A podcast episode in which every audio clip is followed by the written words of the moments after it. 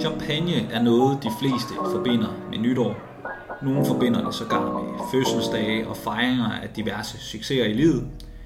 Men champagne kan også meget mere end blot at blive poppet til en fejring og bundes i en mundfuld. I dag har vi Lukas fra Cuvée Champagne med i studiet. Mit navn er Mohammed Ayub, og velkommen til Ocast.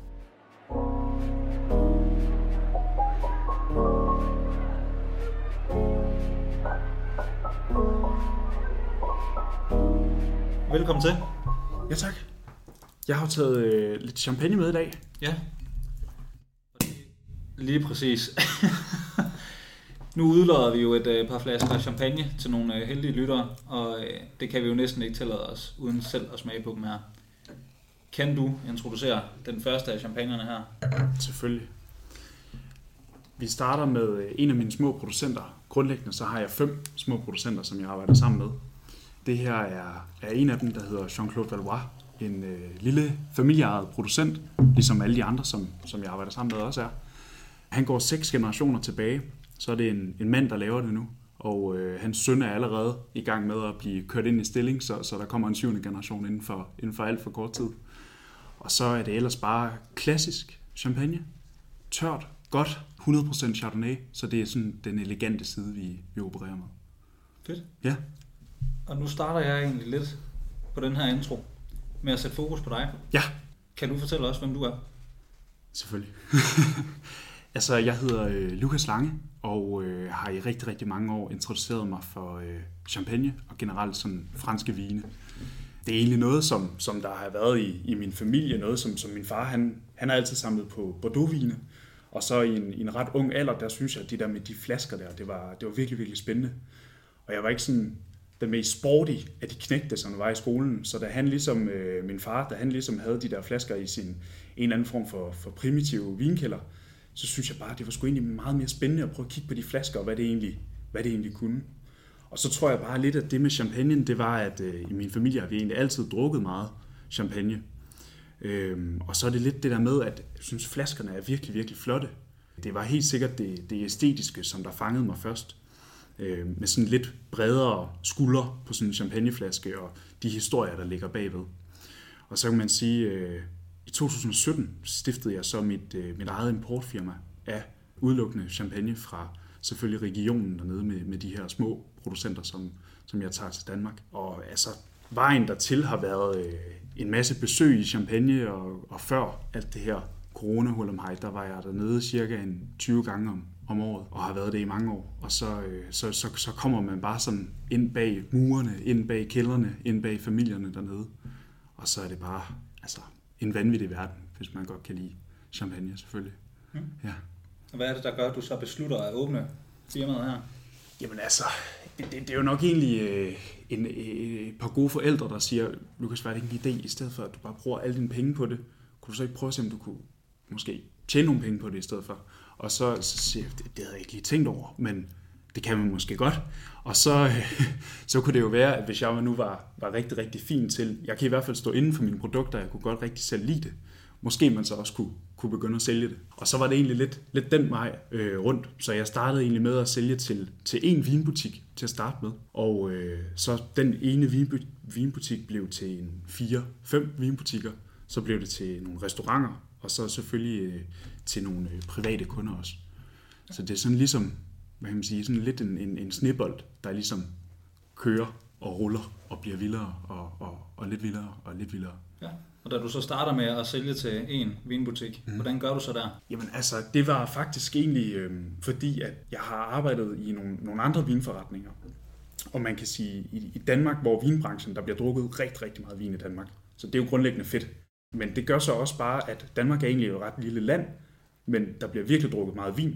Så vin som per person er virkelig, virkelig højt i Danmark. Og det gør selvfølgelig, at konkurrencen er stor, men det gør også, at du også har mange udbydere på, på markedet. Og det gør så også, man kan sige, at hvis du nogle gange har foden inden i den ene vinforretning, så kan du være heldig også at få foden inden i, i den anden vinforretning.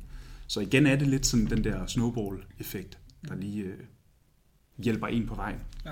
Så ja. det er kontakterne eller et eller andet, Ja. der bliver Ja, udvidet og ja lige præcis. Ja. Stærkt. Turen i firmaet, kan du fortælle mig lidt om den? Er det kun dig, der er Det er kun mig, der er der. ingen ansatte? Ja, nej. Og øh, Nu, øh, nu snakker du om den her øh, snibboldseffekt, Ja. øh, med at du ligesom får leverandører ind på den måde. Eller Ja. er det Kunder. leverandør?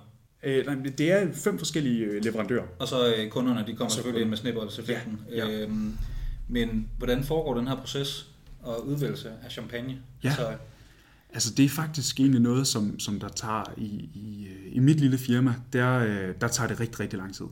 Jeg har ikke en, en producent inde og en producent ude og en producent inde og ude og frem og tilbage. Det er meget sådan, at, at jeg går ind og laver lidt ligesom et ægteskab. Hvis, hvis jeg siger god for dem, og de siger god for mig, så, så er det sådan lidt et partnerskab, vi, vi bygger op. Og det gør så også, at man kan sige, for eksempel Jean-Claude Valois herovre, det er en producent, som jeg har kendt i jamen, altså, plus fem år. Og taget i betragtning af, at mit firma kun er fire år den dag i dag, så er det altså noget, som, som der går længere tid tilbage. Og det gør så selvfølgelig også, at man kan sige, så kan han tillade sig lidt mere som min leverandør, og jeg kan tillade mig lidt mere som hans importør. Og så kan man måske bygge nogle stærkere relationer op. og det er jo så den her, vi, øh, vi sidder og smager på nu. Ja. Er der noget øh, specielt ved den, altså, ligesom kan... Den, den måde, jeg altid vil gøre det på, det er, at jeg vil altid starte med at ligesom skænke det op i, et, i sådan nogle glas, som, som vi har stående foran os. Egentlig vil man nok ikke sige, at det var champagneglas. Man vil tænke, at champagneglas, det er de her høje, spinkle, Spinkle. ja, slanke glas.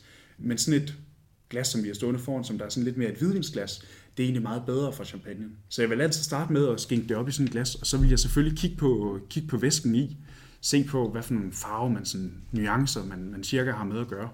Øhm, den her vil være sådan lidt til den lyse side. Og det vi grundlæggende, sådan meget simpelt, så kan man sige, at det har nok noget at gøre med, at det er en relativt ung champagne. Hvis det var en, øh, en lidt ældre champagne, så ville den være lidt til den mørkere gule side. Øhm, så det vil ligesom være der, hvor jeg starter.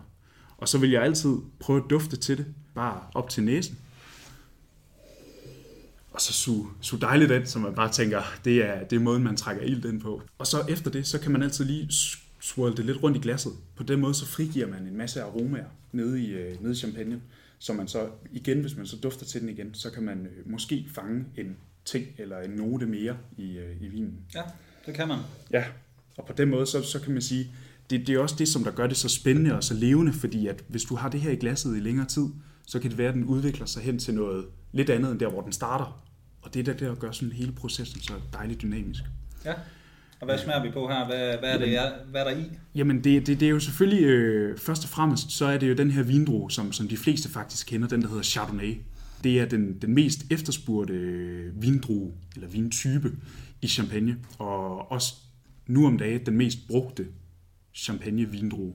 Den bliver brugt i, ofte bliver den brugt i et, øh, i et samarbejde, hvor at det er primært Chardonnay, så vil der være en del Pinot Noir, og så nogle gange også noget Pinot Meunier.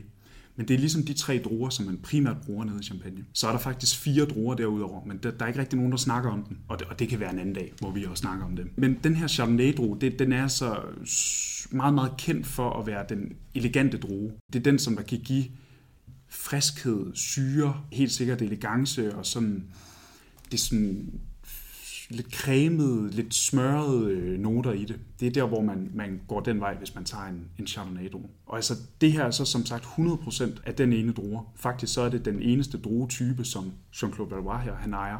Han ejer kun den drue, så man kan sige, det, det er meget uopfindsomt af ham at, at putte Chardonnay i, fordi der er ikke rigtig noget, nogen anden mulighed for ham, fordi det er, det er hvad han ejer. Han har øh, omkring 7 hektar nede i, øh, i den lille by, som hedder Kwi, hvor han, øh, hvor han bor i. Og det er alle sammen nogle druer. Når han selv ejer dem, så vil det sige, at han er ude at pleje dem dag efter dag, år efter år, uge efter uge. Og det gør så også bare, at man sådan hele tiden kan tjekke op på, hvordan har vinstokkene derude. Er der et eller andet, der skal hjælpes, eller kan det stå og klare sig selv? Det er simpelthen den, vi smager på lige nu. Ja, det er det. Så Skål på den.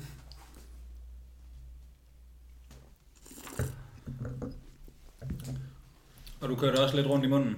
Ja, suger lidt luft ind samtidig også, Ja, hvis mulighed for det. det er ilter øh, Det er, øhm, det er egentlig en måde, hvorpå at man kan, man, vil sige, man kan være med til at optimere ens, den måde, som ens smagsløg og den måde, som man smager på.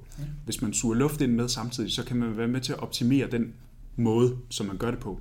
Lidt ligesom det der med, at en ting er, at man dufter til champagne, lægger mærke til, hvad det dufter af. Noget andet er, hvis man lige swirler det rundt i glasset først, og så dufter til det igen, så vil du ofte kunne fornemme flere ting. Det er lidt det samme som det der med at trække yderligere luft ind, mens man har champagne eller hvidvin eller rødvin inde i, Mm. inde i munden. Så ja, det er sådan en lille hjælp til selvhjælp, hvis man, hvis man skal sige noget. Lige lille tip. noget mere ud af smagen, ikke? Lige præcis, Ja. lige præcis. Også på den måde kan den også nogle gange, kan man føle, at det bliver hængende lidt længere, hvis, hvis det er noget, man, man stiler efter selvfølgelig. Mm. Ja. Stærkt. Jamen Lukas, hvad, hvad er det, du er allermest stolt af ved det her firma? Nu snakker du om, at du ikke var den allermest sportige øh, fyr i, øh, i skolen. Er det her noget, der, der har kunne være din sådan styrke? Noget af det, du kunne, som ingen andre kunne? Eller som de færreste i hvert fald øh, kunne? Altså, der hvor, hvor jeg ligesom er nu, også efter øh, fire år i, i branchen med, med mit eget firma, så det som en af mine helt, helt store styrker, det er, at øh, jeg laver rigtig, rigtig mange champagnesmagninger. Øh, jeg prøvede sådan sammen med min kæreste at, at tælle sammen på, hvor mange jeg egentlig havde lavet. Og så var det sådan, altså da vi så kom op på den anden side af 500 siden 2017, så holdt vi lidt op med at tælle. Øhm, så der har virkelig været, været smæk på de her smagninger her. Og det er måske også et af de steder, hvor at jeg måske skiller mig mest ud. Det er måske, at hvis jeg har en kunde, det kunne være på Fanø, eller en eller anden lille dansk ø, eller Skagen, eller det kunne være alle steder i hele Danmark, som der siger, jeg kunne godt tænke mig at købe øh, en flaske champagne, kan vi gøre et eller andet? Så siger jeg, så var det ikke noget med, at øh, vi lige kunne samle dig og fem andre, og så kunne jeg komme forbi og lave en champagnesmagning for jer. Og så kunne du prøve at smage på det, som jeg har, inden at du prøver på at købe det. Så ved du i hvert fald, hvad det er, du har mellem tænderne, skulle jeg til at sige, og hvad det er, som de champagne, som jeg importerer til Danmark, hvad det er, de, de kan. Og det gør selvfølgelig, at, at jeg laver alle de her smagninger, selvfølgelig på, for private kunder, også rigtig meget for firmaer, øhm, og så selvfølgelig også øh, til tjenere i, i restaurationsbranchen øh, på nogle af restauranternes lukkedage, hvis de skal sættes ind i, i nogle af champagnerne. Ja. Så det ville være et af de steder, hvor jeg ville gøre, hvad jeg, hvad jeg kunne for at skille mig lidt ud. Stærkt. Ja. Og når du, øh, når du ligesom kom ud, nu kunne jeg også forstå på din øh, hjemmeside, at der, er- det er en del øh, champagnesmagninger, du ligesom har været ude til.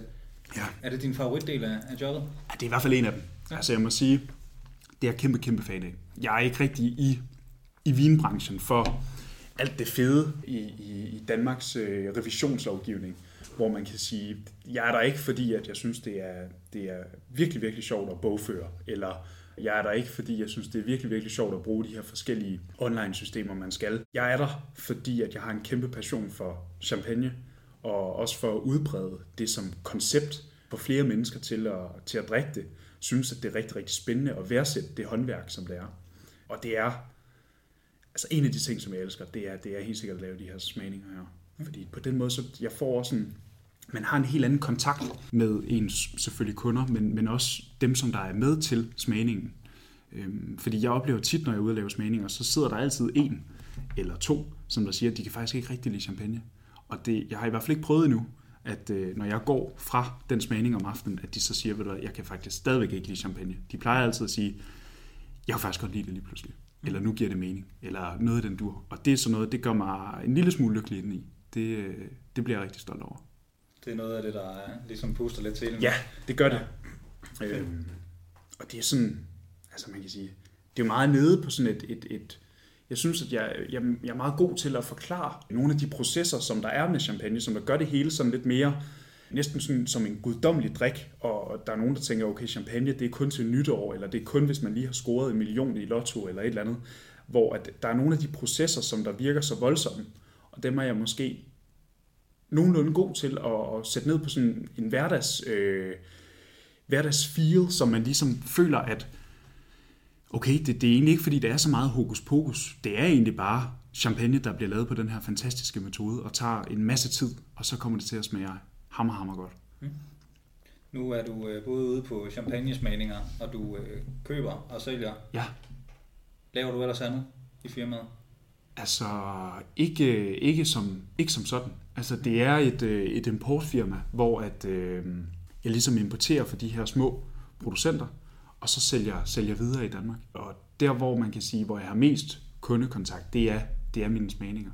Så har jeg selvfølgelig en hjemmeside også, hvor at, øh, der er mulighed for at købe alle mine flasker. Men, men det er klart, at det er mere den her en-til-en kontakt, eller fysiske kontakt, som man har, når det er til de her smagninger. Stærkt. Jeg tænker, at vi, øh, vi sætter fokus over på produkterne, mm. som, øh, som det også skal handle om selvfølgelig. Kan du forklare, hvad det er, der gør dine champagne specielle? Ja, selvfølgelig kan det. Altså det er hele finten af det her med de små huse. Hele finten er i den her med, at det er familieejede producenter, som der putter deres eget navn på. Så det vil sige, på den måde så blåstempler de øh, ved deres eget navn. Altså de ligger ligesom, hele deres ethos ligger de på, at den her flaske, den er god, fordi det er dem, der har lavet dem. Og de tør stå inden for det. Og det synes jeg, at der er noget virkelig, virkelig smukt ved. Øhm, man kan sige, fælles for alle mine producenter, det er, at deres maksimale produktion er på stående fod cirka 48.000 flasker om året. Og det er jo sådan et, et, et et lidt flyvsk øh, tal, som alle lige kan slynge ud. Men sådan, hvis man skal sammenligne med noget, så kan man sige, at den, den største champagneproducent, som der er i, øh, i verden, det er en, der hedder Moet et Chandon. Og de laver på den anden side af 50 millioner flasker om året. Så man kan sige 50.000 flasker om året kontra 50 millioner flasker om året.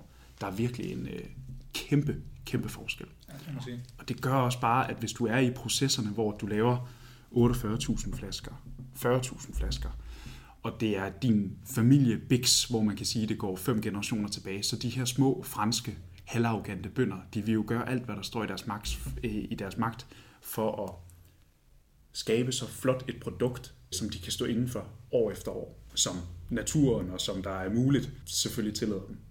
Men det er sådan, at de sætter deres, deres navn og signatur på spil. Og det synes jeg er, er nok også en af mine, mine champagne styrker.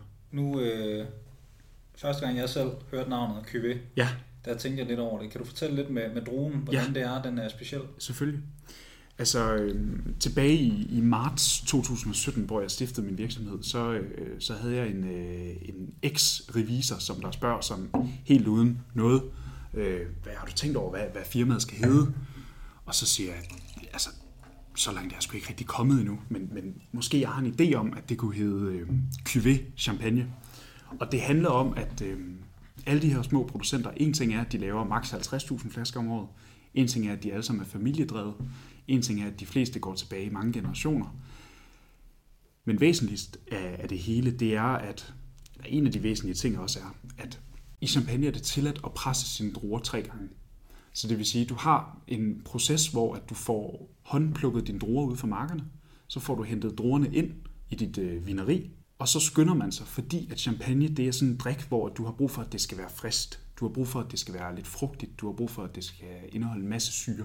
Så for at få den her friskhed og rene frugt og syre, så har du brug for, at når du har plukket dine vindruer, som er de her, ja, altså vindruer lidt ligesom nede ved, ved Superbrusen, hvis du køber sådan en klase stenfri druer, så skulle du gerne spise dem eller presse dem så hurtigt som muligt for at bevare friskheden. Og det er derfor, at man skynder sig at plukke druerne, og så skynder man sig at presse sine druer, og øh, så i den proces der, der må du så presse dem tre gange. Og man kan sige, det er sådan lidt ligesom med, med alt andet, at hvis du presser en gang meget nænsomt, så får du det, det flotteste, det reneste juice. Mest syre, mest frugt, mest friskhed. Presser du anden gang, så kalder franskmændene det for deuxième taille, som direkte oversat betyder bare anden del. Og så tredje gang, som der er max, det hedder så troisième taille, øh, tredje del. Og første pres på fransk, eller i Champagne-regionen, det hedder cuvée. Og så tænkte jeg så der tilbage i 2017, at alle de produkter, som jeg vil have i min lille champagne Bix, det skulle selvfølgelig være produkter, som der kun er presset af første gang. Så det vil sige den her cuvée-presning. Og så deraf så blev navnet så cuvée champagne. Så det var egentlig faktisk så, så uopfindsomt, som, som det egentlig var. Og med simpelt er også godt, kan ja, man sige. ja, med more og alt ja. det der. Ja. Men er Cuvée så også din personlige favorit, når det kommer til champagne? Grundlæggende, så, så vil det være det, ja. Altså, det, jeg, jeg har ikke øh, den store hverken lyst til eller øh, erfaring med dem, som der, de champagne, som der bliver lavet med, med den her deuxième altså hvor du har anden pres eller tredje pres, eller blander det sammen, så du har en lille del første pres, en lidt større del anden pres, og så en, en slutdel tredje pres. Det synes jeg ikke, du får et, et vanvittigt smukt produkt ud af. Og man kan sige, champagne i hvert fald, den måde, som det er på i Danmark, så bliver det ofte associeret med noget luksus eller med noget lækkert, øh, eksklusivt. Og så synes jeg ikke, at bønderne selv kan være bekendt dernede og så sige, vi vil gerne have rigtig mange penge for vores champagne, men vi vil også gerne tjene rigtig mange penge og lave rigtig mange flasker, så vi kan tjene endnu flere penge. Og det gør de så ved at presse første gang, anden gang og tredje gang. Det, det, det er der ikke nogen af dem, der har min respekt for at gøre. Det er sådan lidt ligesom som med alt andet. Hvis du gerne vil lave et godt produkt, så handler det om, at man skal fokusere på det produkt, og ligesom putte sin kærlighed der. Så skal det nok gå hen og blive et, et smukt produkt. Nu ved jeg ikke, hvor mange flasker du har i sortiment, men der er en del. Ja. Hvad for en øh, flaske champagne fra dit sortiment Ja. er din egen personlige favorit? Altså, jeg har jo selvfølgelig taget, taget to stykker med i dag, som der betyder øh, meget for mig. Den første, som vi allerede har smagt på, og så en, en anden, som vi skal smage på bagefter. Og selvfølgelig så, så vil jeg jo være en dårlig sælger, hvis jeg sad og sagde, at jeg ikke kan lide øh, dem alle sammen. Så Selvfølgelig. selvfølgelig. så selvfølgelig kan jeg lide dem alle sammen. Men man har jo også sine helt klare favoritter. Og en af dem er også øh, den, som, øh, som vi skal smage på lige om lidt. Det er en, som der er, øh, hvad kan man sige, i hvert fald i forhold til min egen personlige smag, så er det den champagne i mit sortiment, hvor den har allermest syre.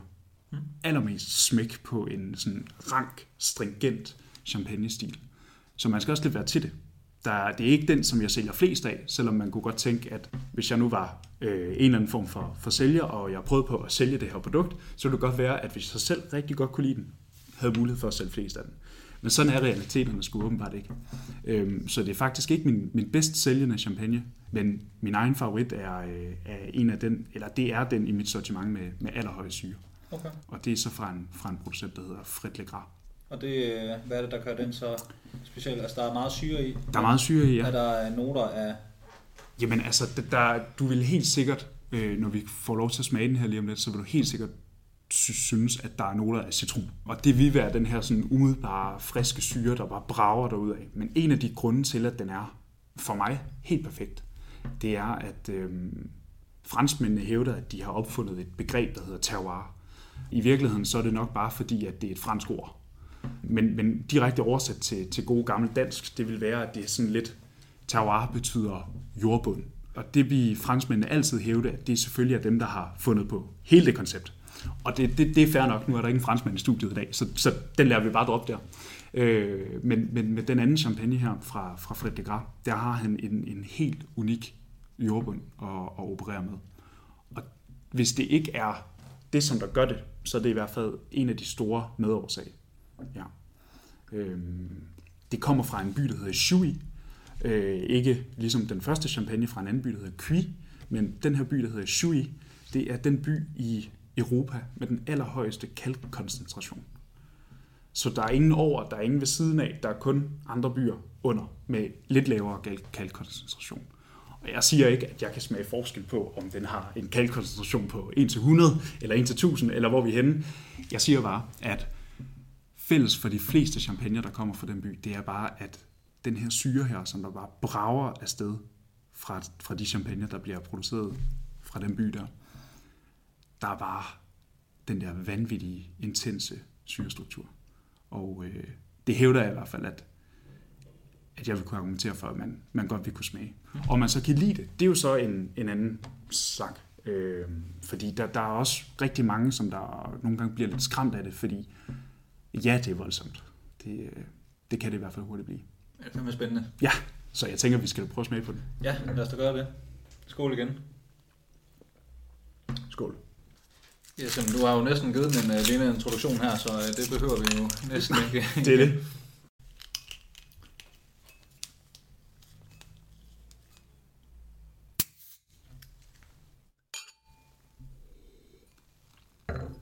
Det er citrus, der lige kan... det der bare skyder afsted. Det er stærkt. Ja, nu må vi se, hvad du siger. Åh, oh, citrus plejer jo at være lækkert.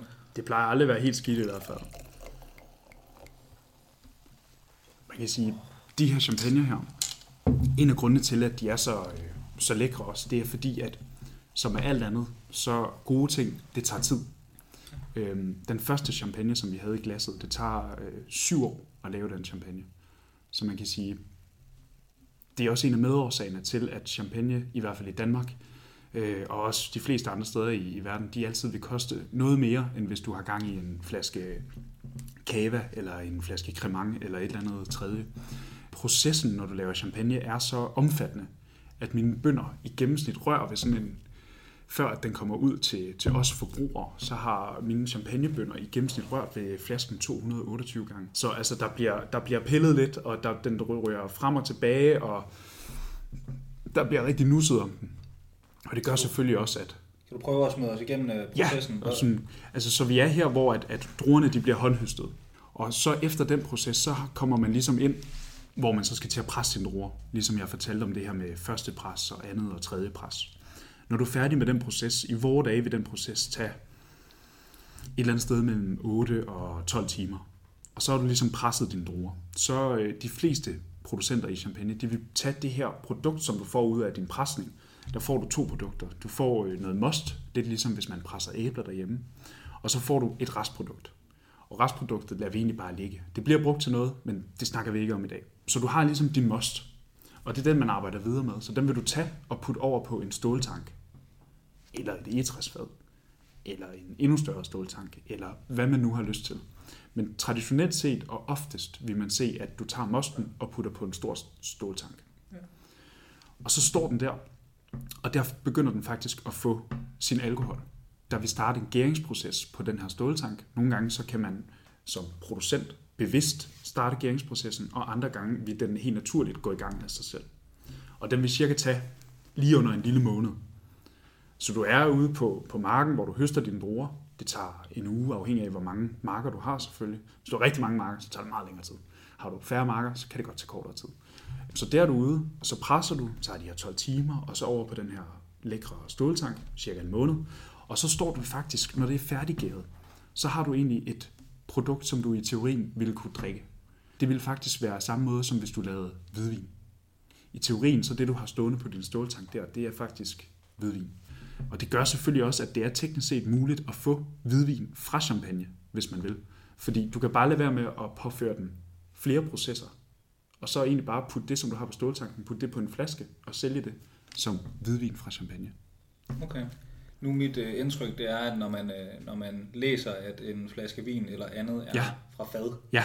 At så er det ekstra lækkert. Ja. Du lyder begejstret for, at det kommer på ståltank. Ja. Hvad, hvad gør de to ting af forskel? Ja, altså man kan sige, det, det har egentlig nogle, nogle rimelig store forskelligheder. Det her med fad bliver næsten altid brandet som om, at det er, det er lækkert.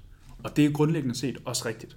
Fordi det er en ekstra ting, som dem, som der vælger, at noget vin, øh, det skal komme på fad, det er en ekstra ting, at bunden han vælger, det her skal komme på fad. Det, det er en ekstra udgift, han påfører hele produktionen. Fordi at de fleste vinproducenter, de vil ofte i hvert fald have nogle ståltanke. De færreste vil måske have nogle fade allerede, og ellers så skal du ud og købe nogle fade. Og hvis du skal ud og købe nogle fade, det kan hurtigt blive en, en rimelig sådan bekostelig affære. Et, øh, et rigtig godt fransk lille fad, hvor der er plads til 228 liter, sådan en klassisk øh, bordeaux koster ca. 18-20.000. Og hvis du så har plads til 228 liter, og du har en produktion på 50.000 flasker, så skal der altså alligevel nogle fade til, så man kan sige, det vil være lækkert, fordi det, det er ekstra omkostning, som der skal på. Men i champagne, der må du selv vælge, om du vil lave fade, eller om du vil lave, øh, eller om du vil bruge fade til din produktion af champagne, eller om du bare kun vil bruge ståltanke. Du må også gøre begge ting. Det, det mest normale er bare, at når du har presset din druer, så kommer det over på ståltanken. Det du så kan gøre bagefter, det er så, at de fleste producenter vil lade det ligge på de her ståltanke, eller stå på de her ståltanke i efter den måned, som det tager for, du har bobler, så vil de lade det stå der i måske 6 måneder mere. Og så er der måske nogen, som der er lidt mere rabiat i det, eller lidt mere, ja, lidt mere sjov i det, der tænker, ved du hvad, vi prøver at skulle at putte det på, øh, på fade i stedet for. Så efter de her 6 måneder, eller efter to måneder på ståltanken, så putter de det over på sådan nogle små etræsfad. Og det, som etræsfadet gør i modsætning til ståltanke, det er, at det giver en masse smag. For ståltanke, det er, som, som navnet antyder, det er bare stål og noget med nogle tanke, og så det er det. Der er ikke, der er ikke så meget pis der. Etræsfadet, derimod. Det er virkelig et, øh, et levende produkt, fordi det kommer som sagt fra, fra egetræer. Og det er altså et levende produkt, hvor man kan sige, at om du tager et egetræ fra en skov, eller et egetræ fra et andet skov, du vil kunne smage forskel på det. Eller du vil kunne notere dig forskel på det i hvert fald. Og det gør selvfølgelig også, at der vil være hvad kan man sige, rimelig store smagsforskelle på, om, om det kun har ligget på ståltanke, eller om det kun har ligget på fade, eller om det har ligget på en blanding. Det vil man ret hurtigt finde ud af. Men hvis vi nu er ved den her proces her, hvor at for eksempel den, den første champagne her, den øh, bliver håndhøstet, så bliver den presset, og så kommer den på ståltanken, hvor den så ligger først en måned med gæringsproces, og så bagefter 6 måneder. Efter de 6 måneder, så sker hele magien med champagne, og det er egentlig grunden til, at champagne er så fed. Det er den proces, som der sker derefter. Og det er den proces, som der hedder bærmekontakt. Og det vil egentlig sige, at øh, når du ligesom er færdig på din store ståltanke, eller hvis du nu var færdig på din etræsfad, hvor du også havde din, din stille vin her fra champagne, så kan du tage og tømme din ståltanke eller tømme din fade og putte det ned i de flasker, som alle kender en champagneflaske for. Så bliver det simpelthen fyldt øh, på flasker, og så kommer man en lille smule gær ned i det, og så en kapsel på toppen, og så ned i kælderen i rigtig, rigtig lang tid. Og det er dernede, hvor at i, min, i mit udgangspunkt, eller i mit synspunkt, at jeg synes, at det er der, hvor man i virkeligheden skaber champagne. Det er faktisk på hver individuel lille bitte flaske nede i producenternes kælder, og så i alle de år, som de nu har lyst til at give dem. Minimumskravet i champagne hedder bare 12 måneder på flaske nede i kælderen, og så 3 måneder bagefter, hvor det ligger og hviler sig agtigt. Så minimum de her 15 måneder, før at du ligesom har noget, et slutprodukt, som du ville kunne kalde for champagne. Det er bare minimum. Men der er ikke noget maksimum. Så det gør også, at den, den første champagne for eksempel, at det har taget de her små syv år at lave den. Og det er fordi, at producenten bare vælger at sige, det skal smage godt det her. Vi gider ikke at springe over, hvor kæder det lavest. Så derfor skal den bare ligge nede i vores kælder i syv år. Men man kunne argumentere for, at den bliver bedre og bedre, jo længere... Det vil man godt kunne, ja. Okay. Altså, det er selvfølgelig øh, subjektivt, men det vil man godt kunne. Det, som der sker, det er ligesom, altså man kan sige, det er lidt ligesom for at vende tilbage til det, som du spurgte om det her med de her med, om vine med fade, om det ikke altid er bedre. Der er nogen, der vil sige, nej, det er ikke altid bedre. Og så er der nogle andre, der vil sige, jo, det er altid bedre. Altså man kan sige, sandheden findes nok imellem de to yderpunkter. Og det er lidt det samme med det her, hvor man kan sige, minimumsgrænsen er bare de her 15 måneder, og så kan du egentlig bare køre uendeligt, hvis du vil det. Det er meget, meget få mennesker, som jeg tror, der vil kunne lide det, hvis det nu var 15 måneder, men hvis det nu var 50 år med bærmekontakt, eller 100 år med bærmekontakt, jeg tror ikke, der er så mange, der vil kunne lide det, fordi det smager ret specielt. Men grundlæggende kan man sige, at du skal i hvert fald over 15 måneder, før det bliver sådan rigtig, rigtig godt. Og det er derfor, jeg synes, at champagne, så kan man argumentere for, at der er en masse andre steder, hvor de også laver rigtig, rigtig fine, fine mousserende vine. For eksempel de fleste kava-producenter, de har sådan en intern regel om at sige, det skal bare minimum ligge nede i vores kælder i 6 måneder. Og man kan sige, hvis, hvis de nu fik øh, ambitionerne lidt op, så kunne det jo være, at de kunne sige til sig selv, okay, hvis champagne de siger halvandet år eller 15 måneder, skulle vi så ikke også bare prøve at se, hvad der sker, hvis vi også bare siger 15 måneder? Eller måske vi bare topper dem lidt og siger, sidste 15 måneder, så er vi bedre end dem her nede i Spanien vi bare sige to år. Og så kører de bare to år.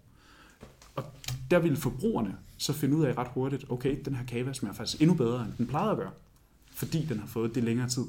Fordi det, som der sker nede i, proces, i, nede i kælderen, den her proces her, det her med bærmekontakt, det er, at vinen modner på en sådan måde, som man kalder, i, kalder for autolyse.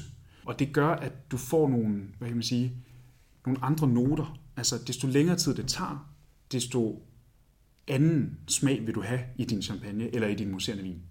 Og så er det jo så selvfølgelig bare, om man kan lide den form, som det tager sig.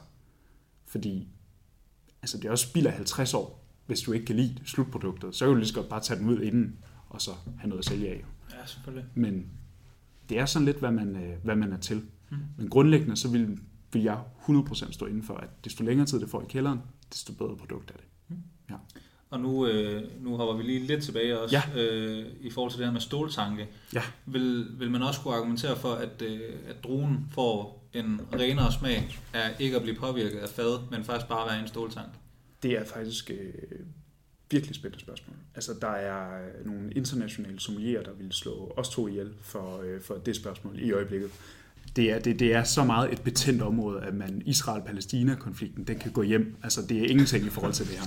Okay. Det, øh, men, men, men man vil sagtens kunne argumentere for det. Fordi der er også nogen, der mener, at man kan sige, så er der alt det her koncept med naturvin og, og biodynamiske vine, og hvad er naturvin? Der er ikke rigtig nogen definitioner på det, så hvad fanden er det egentlig? Og i teorien kunne al vin ikke være naturvin, eller i teorien kunne al vin ikke være naturvin, fordi hvad er det egentlig?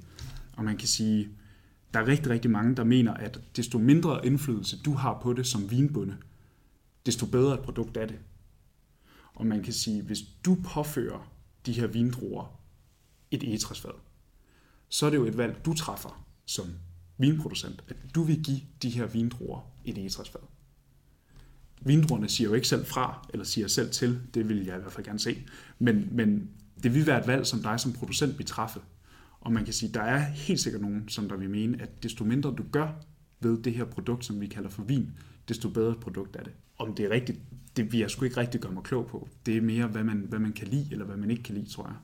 Men, men grundlæggende, så, så vil jeg i hvert fald, med, med de champagner, som jeg har, og i mit sortiment, så vil jeg altid gå efter nogen, hvor de bliver manipuleret, hvad kan man sige, mindst muligt med, eller bliver udsat for færrest mulige unødvendige ting. Det vil lidt ligesom være et af mine sådan, kvalitetsstempler. Men, men, men det er virkelig en interessant diskussion, fordi altså, hvad, hvad, er, det, er det bedst, at man gør noget, eller er det bedst, at man ikke gør noget, mm. og så bare lader naturen gøre det? Det er det store spørgsmål. Det er det store spørgsmål, ja, lige ja. præcis. Stærkt. De øh, fleste forbinder jo måske kun champagne med de her store fejringer, altså ja. nytår, fødselsdag, hvad ja. der ellers skulle være. Ja. Øhm, mener du også, at QV er i den her kategori, eller kan den mere end det? Altså nu sidder vi og drikker den til en podcast episode, men vil, det, altså, vil du med selvtillid i stemmen kunne sige, at øh, det kan man godt drikke i weekenden, hver weekend? Ja, altså der vil jeg selvfølgelig skyde mig selv i fod, hvis jeg sagde, hvis jeg sagde klart nej. Ja. ja øh, så det vælger jeg aktivt ikke at gøre. Ja. øhm, jeg vil jo selvfølgelig argumentere for, at øh, champagne kan man jo drikke altid. Al slags champagne. Ja, al slags champagne. Også de cuvée champagne, som der findes på markedet. Øhm, altid, altid, altid. Altså, man kan sige, i forhold til, til sådan restaurationsbranchen og hele den her mad og vin øh, koncept, hvor man skal parre nogle retter og nogle forskellige smagsgiver i maden med noget fra vinens verden, der giver champagne super, super meget mening. Og det er også en af grundene til, at jeg føler selv, at jeg har sådan rimelig godt fat i, i nogle af de danske restauranter, fordi at champagne kan du bare sætte til en masse forskellig mad, og den er mega tilgivelig, fordi at du har så meget syre og så meget friskhed i champagnen, så at når der kommer nogen sådan en, en, en fiskeanretning med en uh, tung sauce, eller hvad kunne det mere være, noget mulfrit, hvor du har de her frityrestigte øh, pomfritter, som der bare har sin helt egen smag, så vil en champagne stadigvæk kunne bære det hvor man kan sige, det er bare meget, meget sværere, hvis du skal finde en rødvin og sætte til mulfrit, eller hvis du skal finde en øh, klassisk hvidvin og sætte til en mulfrit. Så champagne vil helt naturligt kunne bære en masse forskellige elementer. Og det gør selvfølgelig også bare, at du kan bruge det til næsten, næsten alt, hvad du vil. Altså en af de, de sådan fedeste sådan oplevelser, som jeg har haft meget tæt på livet i hvert fald, som jeg, som jeg tit refererer til, når jeg er ude, det er også, når jeg bliver spurgt til, okay, men, men hvis man nu skal fejre, at øh, man har været gift i 50 år, eller hvis man nu skal fejre, at man lige har fået en million ind på bankkontoen, så kan man selvfølgelig drikke noget champagne. Selvfølgelig kan man det. Men jeg kan huske, at der er en af de største champagne-mennesker, eller champagnefamilier overhovedet, det er måske også det, det, det bedst branded champagnehus, øh, i hvert fald hvis kvaliteten den er i top. Det er et øh, champagnehus, der hedder Krug. Der øh, blev øh, ham, som der er, jeg tror han er 11. eller 12. generation på huset, han bliver så spurgt om, hvad han synes, der er det perfekte match for hans champagne. Så siger han, øh, og det er et New York Times, øh, New York Times interview for 10 år siden eller sådan noget. Så siger han, altså nu er jeg jo godt nok i, øh, i USA her i dag, så jeg vil sgu nok gå ned på five, øh, five, hvad hedder det, øh, den der store gade, Fifth Avenue. Fifth Avenue, lige ja. præcis, tak. Fifth Avenue, lige midt i New York. Køb en Big Mac menu som stor, og så vil jeg sidde og drikke champagne til. Og det siger bare lidt om det der med, at man kan sige, tilgængeligheden og muligheden er der bare for, at du kan bruge det til altså, næsten lige, hvad du vil. Det er klart, jeg vil måske have lidt sværere ved at sætte en af mine, i hvert fald de her to champagne, til en øh, stor, flot rød ribeye. Dem vil jeg måske lige kunne, kunne klare på, på dagen. Men det er klart, hvis man, hvis man har øh, nogle ønsker, så må man endelig tage, tage fat i mig, fordi det hele kan lade sig gøre. Og jeg har også selv drukket øh, masser øh, champagne til, øh, til ribeye bøffer, så det kan sagtens lade sig gøre. Man skal bare finde de helt rigtige. Så en kunde vil også godt kunne kontakte dig og sige, vi skal have den her menu. Ja. Så sætter du bare en, øh, en champagne-menu op, eller ja. hvad det skulle være. Okay. Jeg vil i hvert fald komme med, min, med mine øh, anbefalinger til, hvad, hvad jeg vil gøre, hvis jeg var, hvis jeg var den kunde. Ja. Jamen øh, her i, øh, i slutningen, så kunne jeg egentlig godt tænke mig bare at høre dine drømme mm. i forhold til øh, Cuvée Champagne. Mm. Øh, drømmer du om at blive 100% øh, selvstændig? Nu ved jeg jo, at du, øh, at du arbejder ved siden af. Mm. Kunne du godt tænke dig at, at være 100% selvstændig med det og leve af det? Altså, øh, jeg har prøvet at være 100% selvstændig med Cuvée Champagne her, og man kan sige, det var, det var i en periode, hvor at, øh, både har det været før corona, og det har også været under corona. Og under corona synes jeg ikke, at det har været så sjovt. Og det har primært været fordi, at, som vi også snakkede om til at starte med, at jeg er så hemmeligt forelsket, også uhemmeligt forelsket i at holde champagnesmagninger. At når man så bliver bedt om fra, fra alle sider at sige, at vi bliver nødt til at passe på hinanden og holde op med at gøre det, så bliver vi selvfølgelig nødt til det. Det er klart. Og det gør så også bare, at noget af det, som jeg elsker allermest ved mit eget champagnefirma, det er den her mulighed for at lave champagnesmagninger. Og de sidste halvandet år har der bare ikke rigtig været så mange muligheder. Og så har jeg ikke haft så meget lyst til det. Fordi sådan er det jo bare. Det er jo realiteterne. Men man kan sige, mit, mit, mit helt store mål vil egentlig hellere være at bare sørge for at få flere danskere til at drikke champagne. Også det der med at afmystificere det en lille smule, så man ikke bare tror, at det kan vi altså kun, hvis vi lige har vundet en million kroner i lotto. Så kan vi bare drikke champagne. Det skal mere være sådan noget med, at vi skal bare drikke champagne hele tiden. Kunne du finde på at åbne en øh, fysisk butik på et tidspunkt, eller er det øh, online? Altså, jeg, jeg har jeg vil egentlig, jeg tror egentlig ikke, at jeg vil være så meget på en fysisk butik. Så tror jeg mere, at jeg vil være noget på nogle fysiske events, måske i nogle faste lokaler-agtigt. Det vil være, være, være derhen, den vej, hvor jeg vil gå, tror jeg. Så champagnesmagninger i øh, faste lokaler? Ja, ja. Øhm, eller måske endda. Jeg er jo så heldig, kan man sige, at have en hel masse restauranter over, som jeg sælger til over hele Danmark, hvor man kan sige, at om aftenen eller til frokost, vil de restauranter måske blive brugt som restaurant. I teorien, så kunne der jo være en god grobund, især fordi jeg synes selv, at jeg har mange gode samarbejds med, med de her restauranter her, så man ville kunne gøre et eller andet med, at hvis en restaurant nu er der til, til om aftenen, hvor gæster kan komme og, og spise utrolig lækker mad og drikke noget god vin og hygge sig, så om dagen vil man eventuelt kunne køre flere forskellige arrangementer af, af en eller anden art. Og det ville da være utrolig fleksibelt, fordi man kan sige, så vil jeg kunne komme ind og, og hjælpe de her restauranter med, som der alligevel ikke bruger deres lokaler på det tidspunkt, og man vil kunne skabe hvad kan man sige, mere omsætning til dem, øh, få flere gæster i huset, og på den måde også være egentlig lidt landstækkende.